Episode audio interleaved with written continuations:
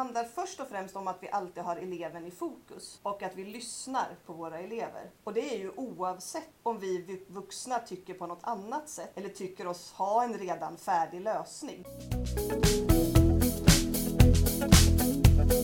Hej och välkommen till Skolprat, en podd om skola, undervisning och lärande. Vi heter Karin Rådberg och Marcus Brunfeldt. Och vi arbetar som projekt och utvecklingsledare och biträdande rektor. Och du då Marcus, vad jobbar du med? Jag är biträdande grundskolechef. Jajamän. Och idag så har vi inte med oss en gäst utan tre gäster. Ända vägen från Lund. Välkomna till Skolprat Åsa Klein, rektor på Kunskapsskolan i Lund och eleverna Tove och Aisha. Hej! Hej! Vad roligt att ni är med oss. Vi har ju pratat om att göra det här, den här podden sedan augusti 21 tror jag har jag tjatat och sen äntligen nu så är det dags. Eh, men kan inte ni berätta vilka ni är? Förutom, jag har ju sagt namnen, men ålder, årskurs? Gärna eleverna först så får Åsa komma in på slutet. Eh, jag kan börja. Ehm, jag heter Aisha Jonsson. Jag går i 8-2 på K Kunskapsskolan i Lund. Jag heter Tove. Jag går i 8-5 på Kunskapsskolan. Jag heter då Åsa Klei och jag är rektor här på Kunskapsskolan i Lund. Ja, men vad kul att ni vill komma hit. Och, och, temat för det här avsnittet är ju elevers delaktighet och inflytande. Ett som vi tycker väldigt, väldigt viktigt ämne. Och om man ska titta på vad Skolverket säger så handlar ju elevers inflytande i grunden om att kunna göra sin röst hörd och påverka frågor som berör dem. Och lite också beroende på elevernas förutsättningar som ålder, mognad och andra faktorer i skolans miljö så kan skolan i olika grad stödja eleverna att uttrycka sina åsikter. Och Åsa, du har ju varit rektor några år nu och eh, jag vet att ni arbetar väldigt aktivt på er skola med just elevdelaktighet. Och då har ni bland annat ett miljöråd. Men hur, hur tänker du kring det här med delaktighet och inflytande? Vad, vad betyder det för dig och vad, vad, vad handlar det om egentligen? Ja, men för mig så handlar delaktighet och inflytande i skolan i grunden om rättigheter och skyldigheter och att man förstår att man är del i ett större sammanhang. Och det viktiga då, att det faktiskt går att påverka det här sammanhanget. Jag tänker att det handlar om att eh, ta ansvar för sig själv, men också att eh, ta ansvar för andra. Och, och, precis som du sa Marcus så är ju det här en mognadsprocess och det kan ju också vara ganska svårt att förstå. Alltså det kan ju vara ganska abstrakt. Eh, till exempel att det inte kan bli en förändring direkt när man vill det eller att det inte går precis som man har förväntat att det ska gå. Eh, och det är ju för att i delaktighet och inflytande så finns det inte alltid tydliga ramar och strukturer utan det handlar ju mycket i grund och botten om värderingar och förhållningssätt.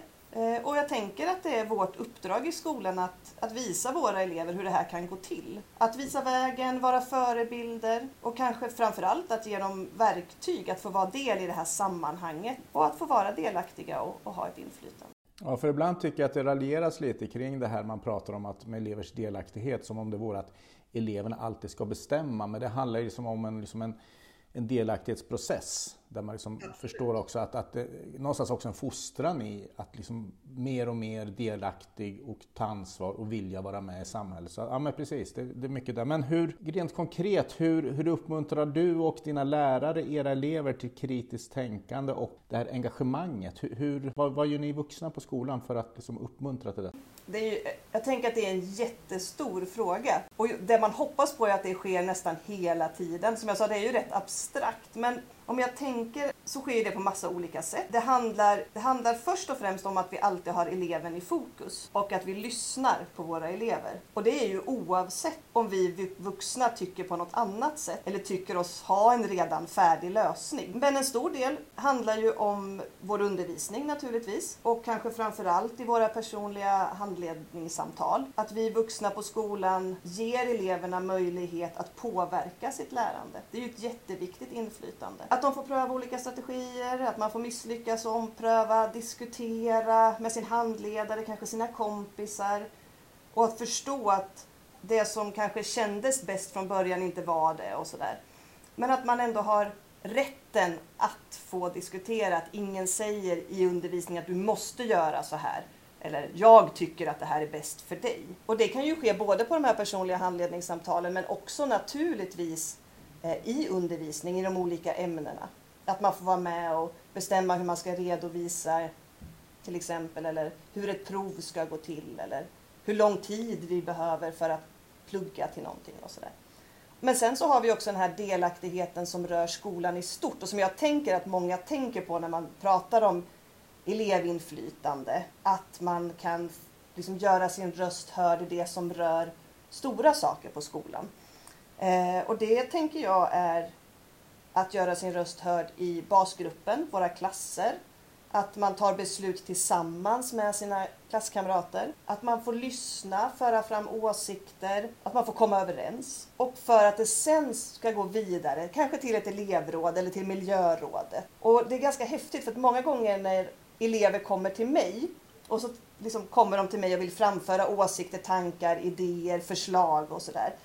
Så när vi har pratat en stund så landar vi oftast i en diskussion kring att det kanske inte är jag som har störst inflytande i den här frågan. Eller jag har i alla fall inte störst inflytande att påverka. Jag kan bestämma, men inte alltså ha det inflytandet. Så då blir istället diskussionen, vart ska du vända dig för att dina de här tankar och idéerna, förslagen ska få kraft och det faktiskt ska bli en påverkan på riktigt. Och då hamnar vi oftast i att så här, ja, men gå till din basgrupp och ha basgruppsråd eller kanske gå till elevrådet direkt eller kanske gå till lärarna i arbetslaget. Och det tänker jag också är den här stora delaktigheten, att man som individ också kan påverka skolan i stort. För då blir det någonstans ett lärande det här också, att få, att få pröva sina åsikter och kanske också få lite mothugg i det här och kunna liksom på något sätt ändå kunna argumentera för det, men ändå liksom att från vuxenvärldens håll att vi liksom inte hamnar i det här att vi står med facit och tystar eleverna på så sätt. Det, det är liksom rätt så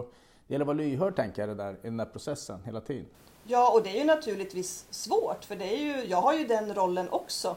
Att jag ska ta beslut eller eh, sådär. Men, men att just att vara inlyssnande och att, eh, och att kunna liksom på något sätt vägleda tänker jag är, är viktigt. Och jag tänker att den här tiden, alltså framförallt högstadietiden, nu har ju ni mellanstadieelever också på skolan, men den tiden handlar ju väldigt mycket om att pröva sina tankar och sina åsikter och, och stämma av. Liksom, har, har jag uppfattat det här rätt? Eller så här tänker jag. Ja, okej, men varför tänker du det? Det, är ju, det myllrar ju av åsikter hos barn i den, eller ungdomar i den åldern. Ja, hittills, hittills nu är det bara vuxna som uttrycker åsikter också. Så att, mm. Men Tove och Aisha, ni är ju med i skolans miljöråd. Var, varför har ni valt att vara med och engagera er i det? Ska jag börja? Mm. Okay. Nej men det är inte på alla skolor där eleverna bjuds in i att diskutera sådana här stora miljöfrågor eller att få påverka på det här sättet. Eh, när, jag först, när jag först kom till skolan så visste jag inte ens vad ett miljöråd var. Eh, och sen blev jag plötsligt insläppt och kunde diskutera och påverka på kanske inte jättestora grejer men fortfarande små saker som var väldigt stora för oss. För vi blir oftast inte inbjudna till att diskutera sådana frågor då alla i, alltså vuxna runt omkring oss tycker att vi är ganska små. Så ja, vi är väl med för att påverka det vi kan och eh, ja, visa att vi också har åsikter och att vi kanske kan lösa det om vi jobbar tillsammans. Ja, men absolut. Vad tänker du Aisha? Är det av samma anledning som du är med i, i miljörådet eller har du några andra tankar? Ehm, jag tänker mycket också det att, eh, med att det, liksom, att det finns ett miljöråd och då får man liksom ta chansen. Ehm, men också det att ehm, det är väldigt kul att kunna eh, fokusera på vilka saker man ska ändra. Jag har varit med i elevråd och sånt också och då finns det liksom väldigt stora grejer. Det finns kanske massa olika saker som man vill påverka och så. Men just i miljörådet så är det väldigt specifikt. Det finns ju såklart massa saker som vi pratar om och massa saker som vi påverkar och förändrar. Men det finns liksom en inriktning eh, och en struktur på det. Och jag tyckte det var väldigt ehm, eh, kul upplevelse liksom. Att kunna eh, veta specifikt vad det var man ville jobba för då och då i det här fallet då plocka upp i naturen och sånt. Kanske stärka samarbetet i, inom eh, miljöfrågor och så. Jag var ju på er skola i höstas eh, och skulle äta lunch där eh, och för, för just det här att man kan göra, alla kan göra någonting och då skulle jag ta en servett. Eh, och då skulle jag ta två, för det brukar jag göra av gammal lättja och då stod det så här, hallå, behöver du två servetter? Eller något sånt. Och satt det liksom en skylt så bara, nej det räcker med en. Alltså, alltså, och det, det, var ju vad jag förstod, för att jag tog upp det med Åsa då och då sa Åsa, men det här är det här är eleverna i miljörådet, de jobbar med lite olika saker så en grupp har fokuserat på det här. Och för mig så gav det effekt. Jag tyckte det var så här, små, små saker ger ju också stor effekt. Men berätta lite mer. Är det ni som har satt upp de här lapparna eller vilka frågor arbetar ni med där? För det ser väl olika ut har jag förstått? Alltså i miljörådet så är det så att det finns olika grupper. Typ. Så eh, varje möte kanske börjar med att vi pratar lite i grupp och sen så delar vi upp oss i grupperna och sen så typ kan man så snacka, varje grupp har liksom ett eget område som de har ansvar för. Så det, den gruppen som du kanske syftade på, den med eh, bilderna, det är postersgruppen. Eh, och sen finns det eh, källsorteringsgrupp finns det. Och det finns kontakt med andra skolor också. Ehm, och sånt. Så det är ju väldigt, det finns flera olika eh, saker och olika saker som man jobbar med. Jag är inte med i en specifik grupp för jag sitter i eh, styrelsen och är sekreterare. Ah, Okej, okay, så du är lite mer le leder strategiskt. Är du med i någon grupp Tove? Eller Tova, förlåt. jag är med i både elevrådet och miljörådet. I elevrådet så sitter jag i styrelsen och eh, jag är ledamot så jag gör inte jättemycket. Jag gör lite av allt som finns att göra. Eh, nya projekt och så. Och i miljörådet så är jag faktiskt inte med i styrelsen. Jag är bara med. Men vad är det för frågor som ni tycker är viktiga eh, att just miljörådet driver på skolan? Vad brinner ni lite extra för? Jag skulle säga det att vi vill lära andra. För att oftast alltså här, väldigt få av skolans elever är egentligen med i miljörådet. Det finns flera mera alltså elever som kunde kunna vara med.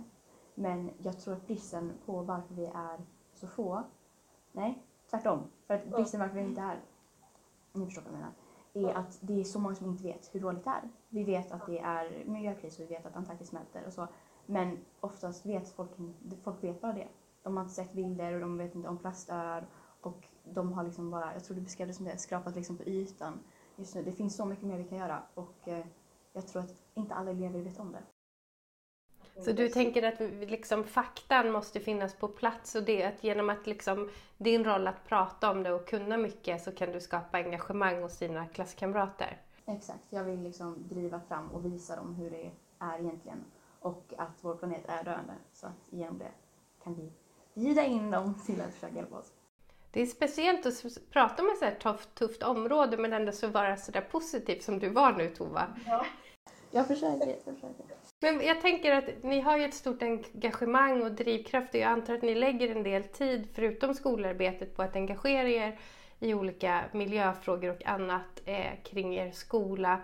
Var kommer den här drivkraften ifrån? Hemma så har det liksom, eh, i min familj så har det, har det ganska ofta varit här en aktiv grej att nej men vi ska inte ta bilen, vi kan cykla eller vi äter vegetariskt. Um, hela min familj nu är eh, laktovegetarianer så vi äter inte kött och inte fisk. Ehm, och sådana grejer så jag har alltid, alltid varit väldigt medveten om eh, miljökris och så. Ehm, och det har nog gjort att jag liksom känner att om jag är så medveten om det så kan jag liksom inte då har jag ingen ursäkt för att inte vara involverad i det. Um, sen det som, eh, som Tove sa där med att det är många eh, elever som kanske inte är riktigt lika insatta i det som andra elever på skolan. Um, och de personerna som inte är lika insatta i det kanske inte riktigt vet att de också har motivation att göra någonting. Ehm, för att de helt enkelt inte ehm, det, det händer inte så ofta att de behöver tänka på eh, miljökriser och sånt och frågor om miljön och klimatet. Så då vet de inte riktigt att de själva är motiverade att göra saker.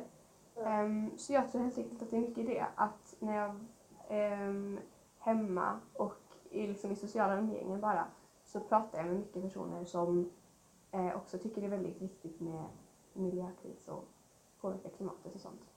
Jätteintressant. Är det samma för dig Tove, att du har fått liksom att det är någonting som är i din familj eller eller hur, hur, hur ser du på frågan? Alltså, jag skulle också säga att det är lite från min familj. Eh, under min uppväxt så har vi inte direkt pushat under några frågor. Alltså, vanliga saker som att vår planet är döende och så här med klimatet vill ju inte alla föräldrar berätta sina barn. Men mina föräldrar har liksom inte riktigt gömt undan det eller så, så jag visste om att alltså, klimatkrisen är ganska ung. Och jag tror också att väldigt mycket av min drivkraft kommer hemifrån då min familj också gör de små sakerna för att inte liksom på, eh, biverka. Så att vi, vi hade, eller vi har fortfarande typ så här veganska veckor och vegetariska veckor. Så vi skiftar liksom. Eh, för jag är inte redo att bli full vegetarian. Jag klarar inte av det, jag är ledsen. Jag vill men jag är ledsen. um, så vi kör lite så här veganska veckor så vi får testa på och liksom vänja kroppen vid att äta bönor hela, konstant hela tiden. Liksom. Um, och vi köper bara ekologiskt kött och så. Så små saker, kanske inte mm. så jättestora grejer men väldigt mycket av min drivkraft kommer definitivt hemifrån. Men, och jag tänker så här, utöver skolan då, engagerar ni i, i miljöfrågor eh, på fritiden också eller är det, blir det specifikt i skolan som ni driver de här frågorna? Mm, för mig är det ganska mycket så här, det mesta som jag gör hemma kommer kanske från skolan. Vi var med i ett stort samarbete um, där vi hette Earth Summit. Um, och då var det ju från andra skolor, inte bara i Sverige utan i USA och Storbritannien. Och då så när alla hade så här kanske en timme när de pratade om vad de gjorde så blev man liksom, man blev väldigt intresserad av vad de gjorde och så började man kanske kolla på alltså, olika hemsidor för eh, ungdomar som kämpar mot klimatkris och sånt. Um, och så mycket det de enda typ så här stora förändringar man gör, eller så, eller små saker, det är mest i skolan. Medan mm. på fritiden och hemma så kanske man mer, eh, då är det lite svårare att göra förändring så då är det mer kanske att man eh, eh letar upp fakta och sånt och kanske mm. googlar lite och lär sig mer om det helt enkelt. Jag kan bli otroligt imponerad av att liksom i den åldern ha det här engagemanget. Jag, menar, jag minns själv när, när jag gick i högstadiet. Jag var väl också engagerad men inte i sådana här viktiga frågor på något sätt också. Det är väl det. Och, och liksom, nu har jag ändå jobbat i skolan några år, både som lärare och rektor. Och jag vet det har ju du med gjort Åsa. Och, och eh, någonstans kan man känna att det här med engagemang, det är någonting som man som vuxen kan triggas av och tycka att det är fantastiskt. Samtidigt kan man också se genom tiden att, att det går lite grann i vågor. Va? Att, att elevers engagemang går i vågor också och att skolans drivkrafter kring elevråd, alltså det är så beroende ibland av elevernas egna drivkrafter, att det är just på individnivå. Kan, kan du instämma där Åsa? Eller hur? Det är lätt att det blir så tänker jag. Jag tänker att, att jag som rektor och behöver tänka på det. Alltså det är ju någonting som, som jag får ta med mig i mitt systematiska kvalitetsarbete.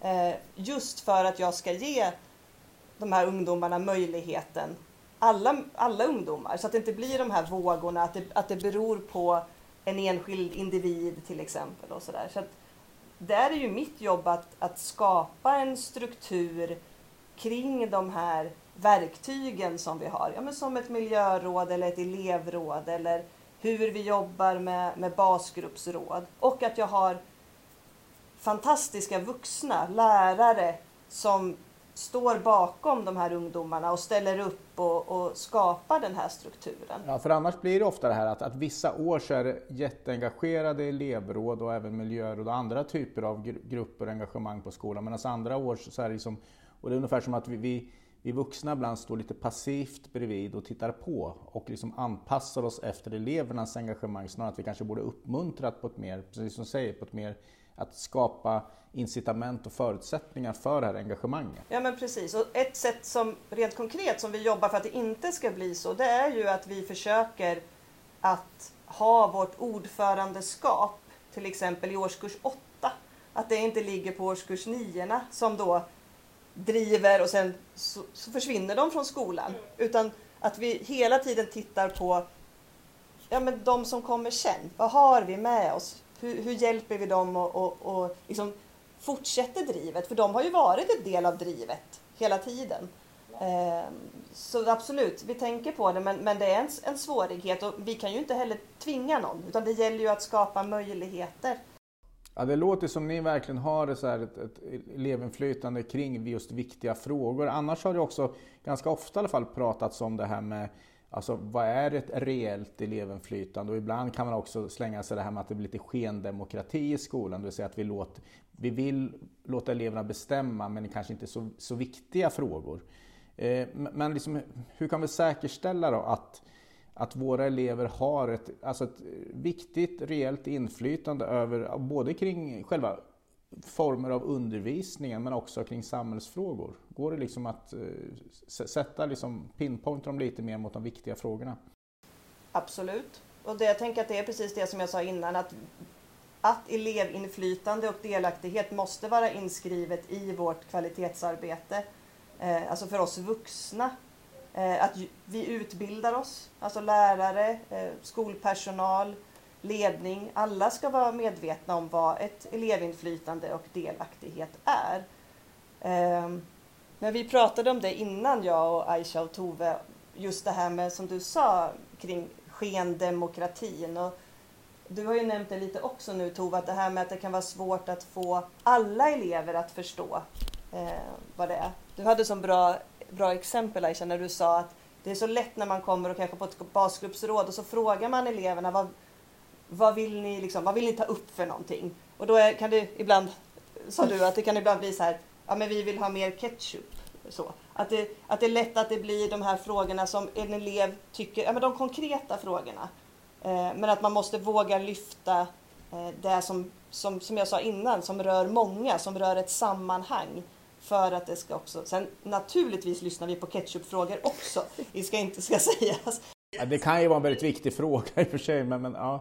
Ja, ja men precis, men att, men att det finns så många olika liksom, delar av den här delaktigheten. Men att vi får med det och att vi utbildar våra vuxna i det. Eh, för att, och att det är en del i vårt pedagogiska synsätt, att det finns med. Eh, kring, som jag sa i början, där med undervisningen, att få vara delaktiga, att, att kunna, kanske kunna bestämma en redovisningsform. Eh, att få bestämma, även om den vuxna vet att ah, det här kanske inte blir riktigt bra. Så att man också får lov att misslyckas. För att själv känna att man äger liksom det här inflytandet och för att sen komma tillbaka och säga att det blev inte så bra. Eh, jag ska testa det här istället.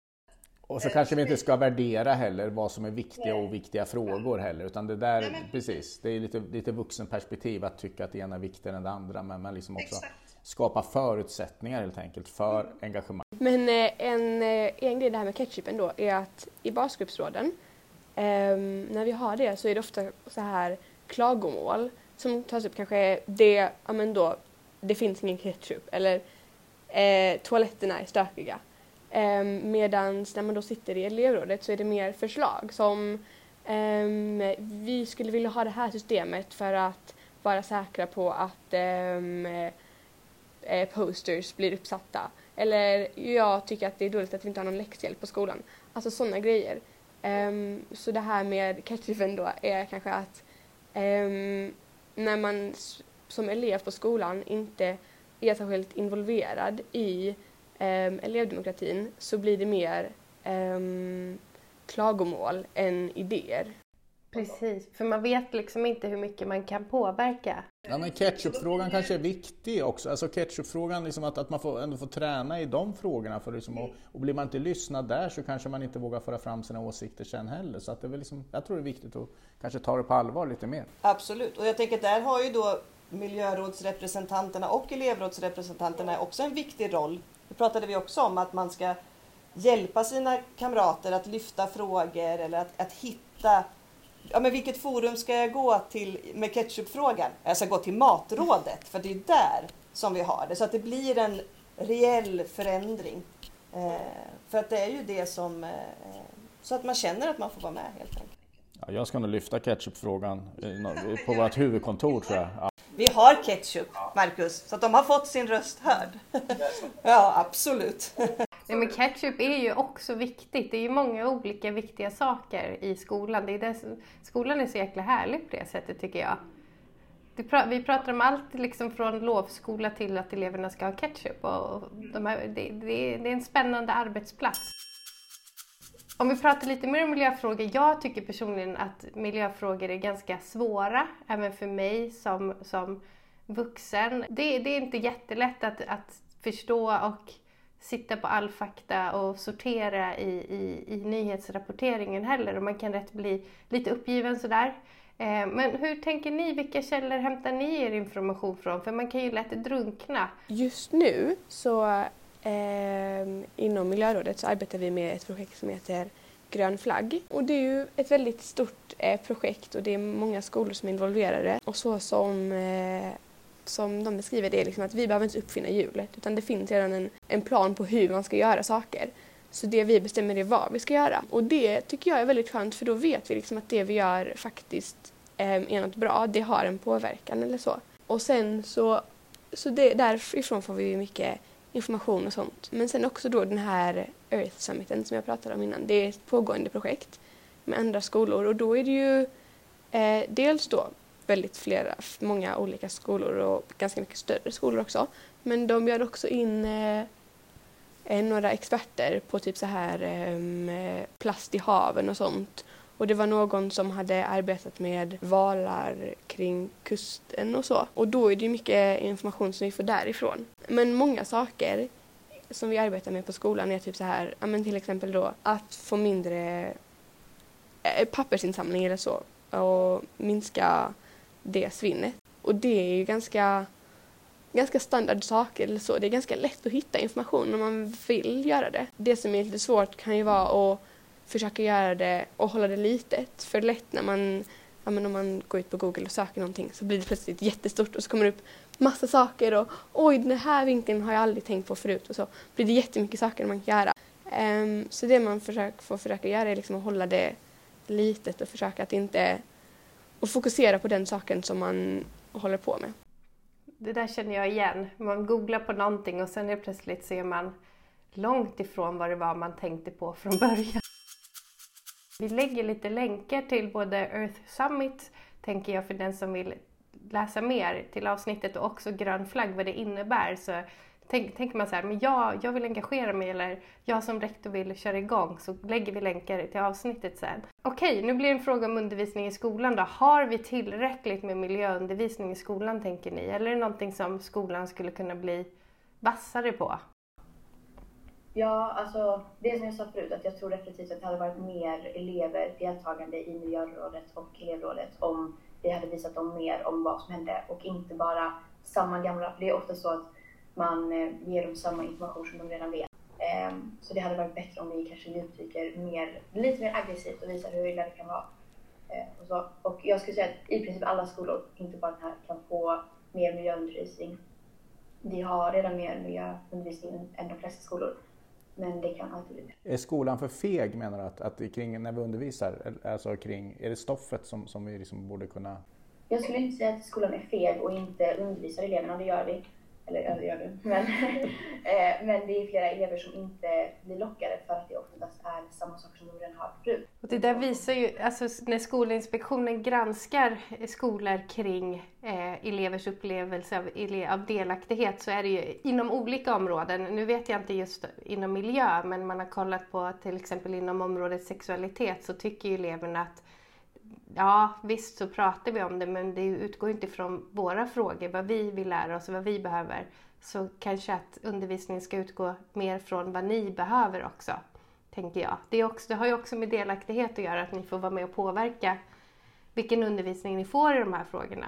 Um, en sak om det att vi får påverka vad vi lär oss um, är att i miljörådet då, så förra terminen så hade vi en, eh, en eh, temadag eh, som var inriktad då om miljön. Och det var väldigt kul. Det var flera olika stationer och på varje station så var det olika saker man gjorde. Jag kommer ihåg att eh, jag hjälpte till på den temadagen och var på samma station. Eh, och då var jag på en station där det var, ett, eh, det var en form av spel. Så man skulle typ ta ett kort och så stod det någonting på, kanske värma upp huset i ett år. Eller ehm, äta hamburgare varje dag. Och sen så stod det hur mycket koldioxidutsläpp det var. Um, och det var väldigt eh, kul att kolla när andra spelade och liksom blev väldigt förvånade över vad det var. Framförallt saker som de kanske gjorde ofta. Um, till exempel då eh, åka bil till skolan. Um, och så kunde det stå ja, men en siffra och då blev, var det många som liksom inte riktigt de insåg inte riktigt hur mycket de själva gör. Alltså att de också är involverade. Um, både positivt och negativt. För då fanns det också kort som var kanske um, återvinna plast eller panta. Um, och då var det kanske minustal på dem. Liksom. Och då blev man väldigt förvånad där också. Så tänkte man att jag visste inte att det gjorde så stor skillnad. Um, för att man lär sig liksom samma saker ofta. Det kanske är, okej okay, nu ska vi kolla på en film om plast i havet.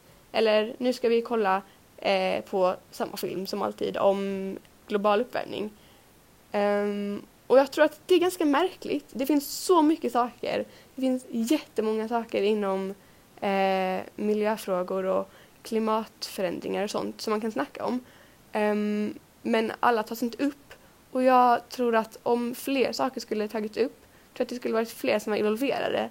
För det kanske finns någonting för alla som de kan jobba för men man har liksom inte, man har bara inte stött på det än.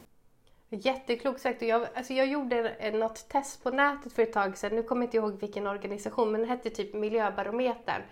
Självgod, typ så här, bor i en liten lägenhet, har en pytteliten bil som jag inte använder, äter i stort sett bara vägg. Shit, jag kommer ju vara någon slags klimathjälte. Och sen så fick jag att jag var en... Ja, det var inte positivt det var enligt det här testet. Och jättebra, för det, det var ett wake-up call. Jag var en klimathycklare så var jag. Det, var, det, var, det, det, det är jag inte stolt över. Jag blev lite så här, oj.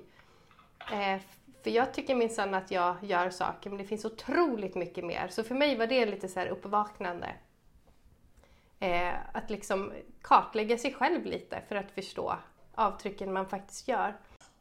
Ja, verkligen. Jag blir otroligt imponerad av, av så, mycket, så mycket ni kan redan. Det känns väldigt betryggande inför liksom vår framtid och framförallt er framtid och liksom hur, hur liksom vi ska ta oss an det här. Jag tycker det är bra att ni vågar liksom sätta fingret på vad vi vuxna också kan bli bättre på. Jag tror, tror vi behöver ungdomar idag som verkligen liksom knuffar oss lite framåt och knuffar ut oss ur, ur våra föreställningar om att vi kan och vet, vet allt redan nu. Så att jag är jättenyfiken på, på vad, ni, vad ni kommer att, liksom att, att ta, ta, med och ta vägen framåt också. Och just i det här avsnittet, vi brukar ju avsluta alla våra poddar med att våra gäster får ge tre tips utifrån det ämne vi har pratat om. Då. Så jag tänker väl att vi, vi har ju pratat mycket om både kring miljö men också kring inflytande, elevdelaktighet och sånt. Hur, hur skulle ni kunna liksom på något sätt hjälpa oss eller hjälpa lyssnarna liksom med några tips på hur skolor kan bli bättre på inflytande eller hur skolor kan bli bättre att jobba med miljöarbete och så vidare? Ni, ni får gärna liksom ni, ni, ni, får tala fritt, men vi kanske kan börja med, med Aisha och se vad du har för, om du har värdefullt tips till lyssnarna. Um, en grej jag tänker på är kanske till um, den här eh, temadagen vi hade då. Men jag tyckte det var väldigt eh, kul och det känns som att det var många som ehm, fick idéer och tänkte att nej men det här, det här kan jag förändra. Det här kan jag ändra litet. Um, liksom att kanske att jag skulle, ett tips är att uppmuntra elever till att göra små förändringar. Jättebra tips, små förändringar. Ja, för jag, jag, kom, jag tänkte på det när jag pratar mycket om det, det känns som att, att vi, det, det är så brett miljöämnet så det känns som att ibland liksom, kanske vi borde vara lite mer noggranna kring liksom, att hitta just det engagemanget va, i, i vad, som, vad som berör var och en. Jättebra. Ja. Spännande. Har Åsa något att tillföra kring det? Jo, det är klart jag har. Det är klart att jag har. Ja. Jag har ju såna här rektorsgrejer liksom. Fast de har ju sagt mycket av det också. För mina, jag hade också några tips som jag tänkte på och det ena var ju det som, som Aisha sa, att börja småskaligt. Alla förändringar är oftast bra förändringar. Alltså det, det är om vi sätter upp posters eller vad det kan vara. Allt börja småskaligt. Man behöver inte börja med det allra största. Och sen så som en sån här rektorsgrej då att systematisera och strukturera.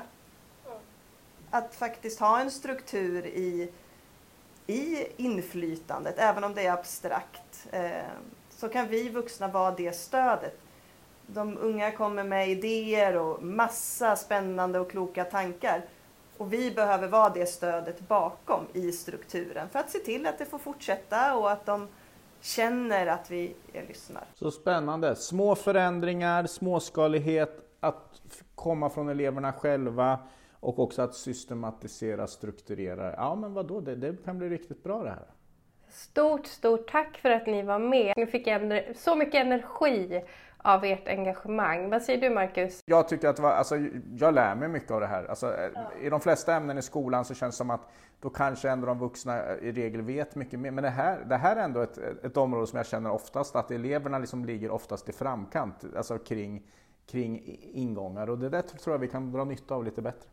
Och vara ödmjuka inför. Lyssna på eleverna som en klok lärare sa en gång i skolprat.